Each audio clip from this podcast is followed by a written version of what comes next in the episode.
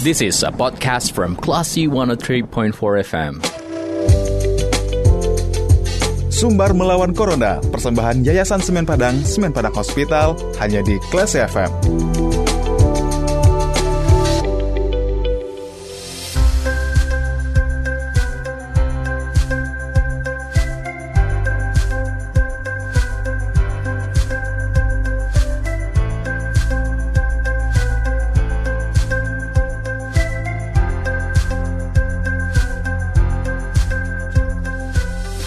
103.4 Kelas FM, this is the actual radio. Kelas People, saat ini Anda kembali mencermati Sumbar melawan Corona, masih bersama Sidi Tendira. Dan beberapa bulan ini kita sudah melihat ya, sudah dilakukannya vaksinasi. Lalu bagaimana nih jika vaksin untuk anak-anak? Nah, untuk menjawab pertanyaan tersebut, kita sudah terhubung dengan dokter spesialis anak uh, dari Semen Padang Hospital, ada dokter Dina Lydia Lestari SPAM Biomed. Kalau gitu kita sapa dulu. Assalamualaikum, selamat sore dokter. Waalaikumsalam warahmatullahi wabarakatuh. Selamat sore. Gimana kabarnya dok? Sehat ya dok ya? Alhamdulillah baik, alhamdulillah. Alhamdulillah. Nah dokter, um, vaksin tahap 2 kan udah didistribusikan nih. Nah vaksin untuk anak-anak ini bagaimana dok? Uh, untuk vaksin untuk anak kita uh, belum diberikan, mm -hmm. uh, memang belum ada uji klinis yang dilakukan pada anak. Jadi uji keamanannya belum ada sehingga tidak diberikan kepada anak. Mm -mm. Uh, berarti kalau jika belum ada uji klinis tersebut, uh, apa hal yang bisa dilakukan oleh para orang tua sebagai antisipasinya, dokter? Pengganti vaksin? Masih 3M, yaitu menggunakan masker, mencuci tangan, dan menjaga jarak. Menghindari tempat-tempat keramaian ataupun yang uh, mm -hmm. uh, risiko tinggi untuk penularan. Nah, umur anak-anak yang masuk kategori belum bisa vaksin ini rentang umur berapa saja nih dokter? Kisaran umur yang dibatasi WHO itu untuk anak-anak adalah di bawah 18 tahun. Di bawah Jadi anak-anak mulai dari nol bayi ya baru lahir sampai usia 18 tahun tidak diberikan belum diberikan uh, vaksin uh, COVID. Baik. Um, menurut pandangan dokter seberapa rentan sih anak-anak di tengah pandemi saat ini, Dok? Hmm, yang jelas anak-anak dan lansia merupakan kategori umur yang sangat uh, rentan baik untuk penyakit apa pun. Yang pertama, uh, termasuk dalam kondisi pandemi tentu mereka adalah golongan atau kelompok yang berisiko tinggi.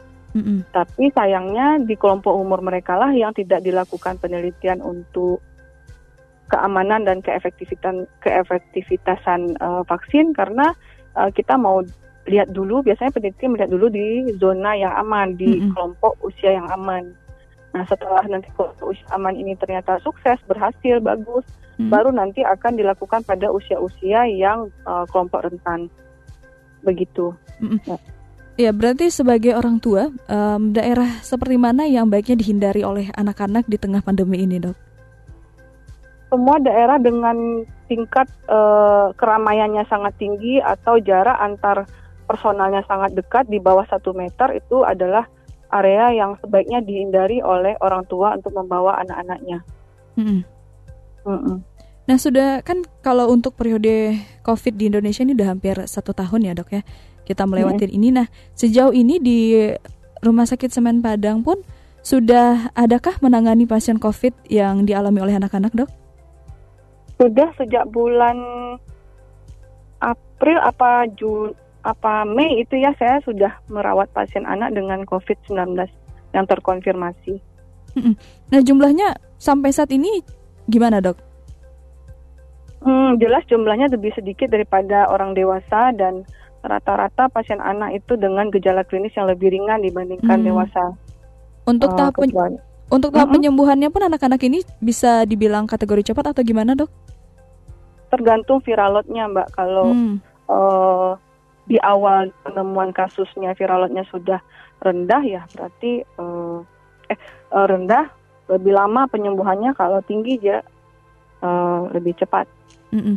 Berarti uh, sejauh ini uh, pasien anak-anak yang mengalami COVID dalam gejala ringan dan tidak terlalu serius ya dokter ya? Mm -mm. Bahkan ada dengan hasil ronsennya pneumonia tapi gejalanya uh, masih uh, ringan dan sedang gitu. Mm, baik. Um, kira-kira bagaimana antisipasi lainnya yang bisa dilakukan oleh orang tua nih dokter mengingat anak-anak tidak masuk kategori divaksinasi ya dok dalam kondisi pandemi ini dok?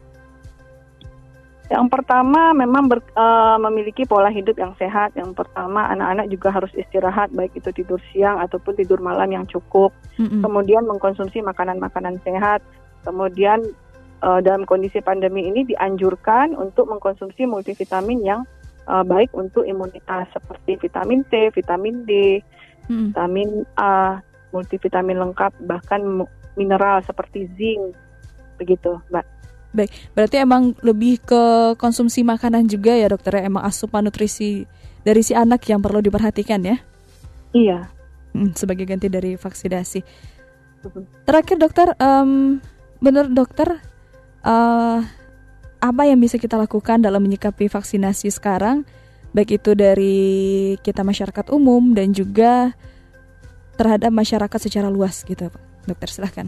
Hmm pada awalnya vaksin terlalu banyak kontrol dan versi kontroversinya ya. Mm-hmm. Ketika uh, vaksin ini akan masuk ke Indonesia terlalu banyak pro dan kontra tentang pemberian vaksin begitu tersebut.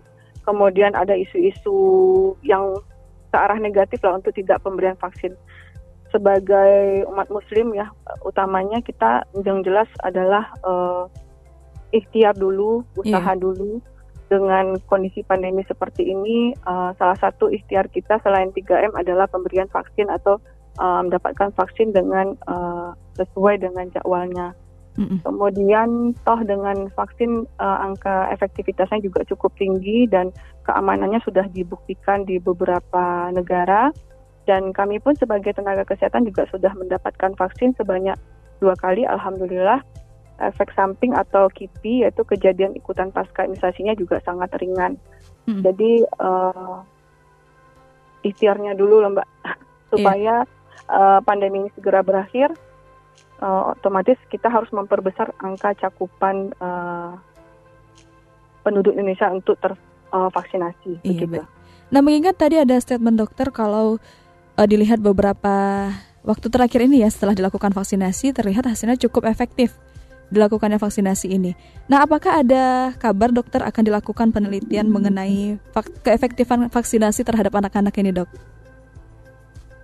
Uh, sepertinya menyusul setelah selesainya vaksin uh, usia 18 sampai uh, di bawah 6, 5, eh, sampai 59 tahun dulu. Mm -hmm. Selesai dengan itu, kemudian apabila cakupan imunisasinya sudah tinggi, otomatis uh, virus ini juga akan tereliminasi dengan secara sendirinya begitu.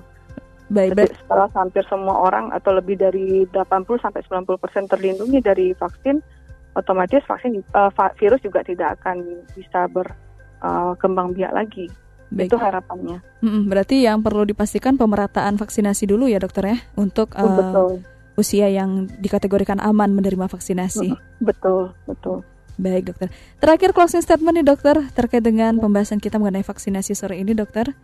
Hmm. Um, apa ya?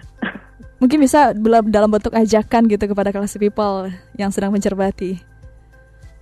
Oke, okay, uh, eh, ajakannya yang pertama tetap pola hidup sehat, kemudian tetap jaga, uh, dengan konsep uh, new normal kita 3M, Kemudian bagi Anda yang sudah terpanggil untuk vaksinasi jangan uh, jangan menolak untuk vaksinasi karena ini salah satu dari perjuangan kita, mm ikhtiar kita melawan uh, virus yang tidak kasat mata ini. Begitu. Baik, terima kasih dokter sudah berbagi informasi dan setidaknya sudah memastikan ke masyarakat um, di umur berapa saja nih rentang anak-anak yang bisa divaksin atau tidak gitu ya. Iya. Baik dokter, selamat kembali bertugas. Terima kasih. Baik, Assalamualaikum dokter. Waalaikumsalam warahmatullahi Baiklah si people, itu tadi obrolan kita bersama dengan dokter spesialis anak dari Semen Padang Hospital, Dokter Dina Lydia Lestari, SPA, SPA M Biomed ya, mengenai bagaimana vaksinasi untuk anak-anak dan sudah dijawab tadi rentang usia manakah yang diizinkan untuk melakukan vaksinasi. Kalau gitu saya Dita Indira, kita ke program selanjutnya. Terima kasih. Anda sudah mencermati program Sumber Melawan Corona, persembahan Yayasan Semen Padang, Semen Padang Hospital.